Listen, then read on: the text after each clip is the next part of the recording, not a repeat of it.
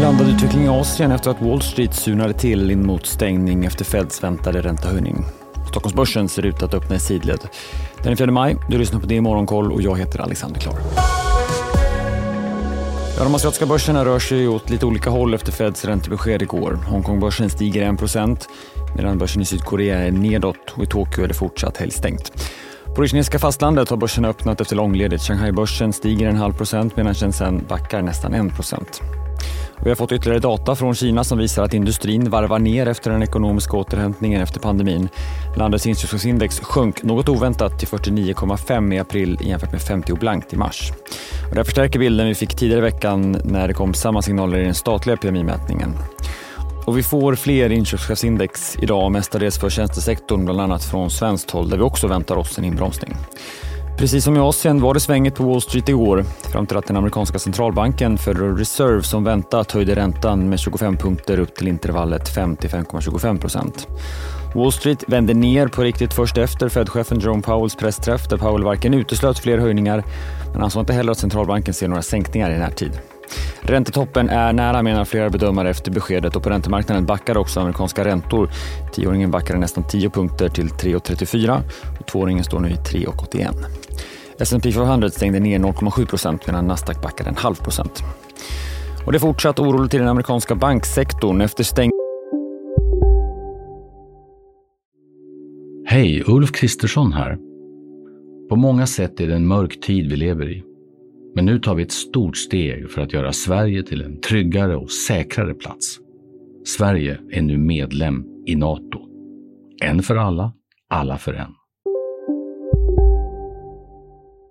föll regionbanken Pacwest över 50 procent och enligt uppgifter överväger banken en försäljning. Bankkollegan Western Alliance föll drygt 20 procent efter stängning.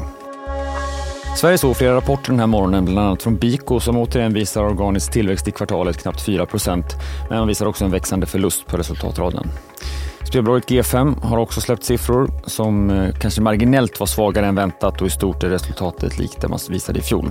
Även tyska Zalando har kommit med en rapport. Förlusten krymper och man går break-even i kvartalet. Och norska oljejätten Equinor har kommit med ett betydligt bättre resultat än väntat. Tillbaka till Sverige. Fastighetsbolaget SLP har genomfört en riktad emission på drygt en halv miljard. Det innebär också en utspänning på drygt 10 procent för aktieägarna. Och pengarna togs in ungefär 5 procent under gårdagens stängning. Matpriserna föll i Sverige i april jämfört med i mars. Det är trendbrott i statistiken som kommer från Matpriskollen som menar att det här är första gången på fyra år. Men samtidigt så var det en marginell minskning och priserna minskade bara med 0,4 procent. På dagens agenda, som sagt en hel del PMI, Svenskt tjänste-PMI som kommer klockan halv nio väntas falla ner mot 45 från senast dryga 48. Vi har också några rapporter att se fram emot. Rapportmorgon sänder i DTV under morgonen och sen då Börsmorgon som vanligt kvart i nio. Vi får också flera räntebesked idag. Både Norges bank och den Europeiska centralbanken väntas höja med 25 punkter vardera under dagen. Och vill ni se Kristina Gards pressträff så sänder DTV den under eftermiddagen. Morgonkoll är tillbaka igen imorgon. På återhörande. Jag heter Alexander Klar.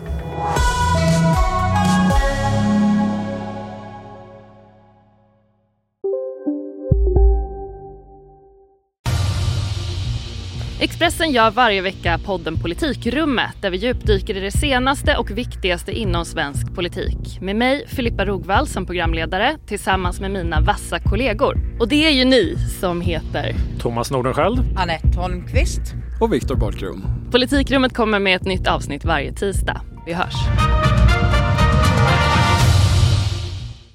Vi är specialister på det vi gör, precis som du. Därför försäkrar vi på Swedea bara småföretag, som ditt. För oss är små företag alltid större än stora och vår företagsförsäkring anpassar sig helt efter firmans förutsättningar. Gå in på swedea.se företag och jämför själv.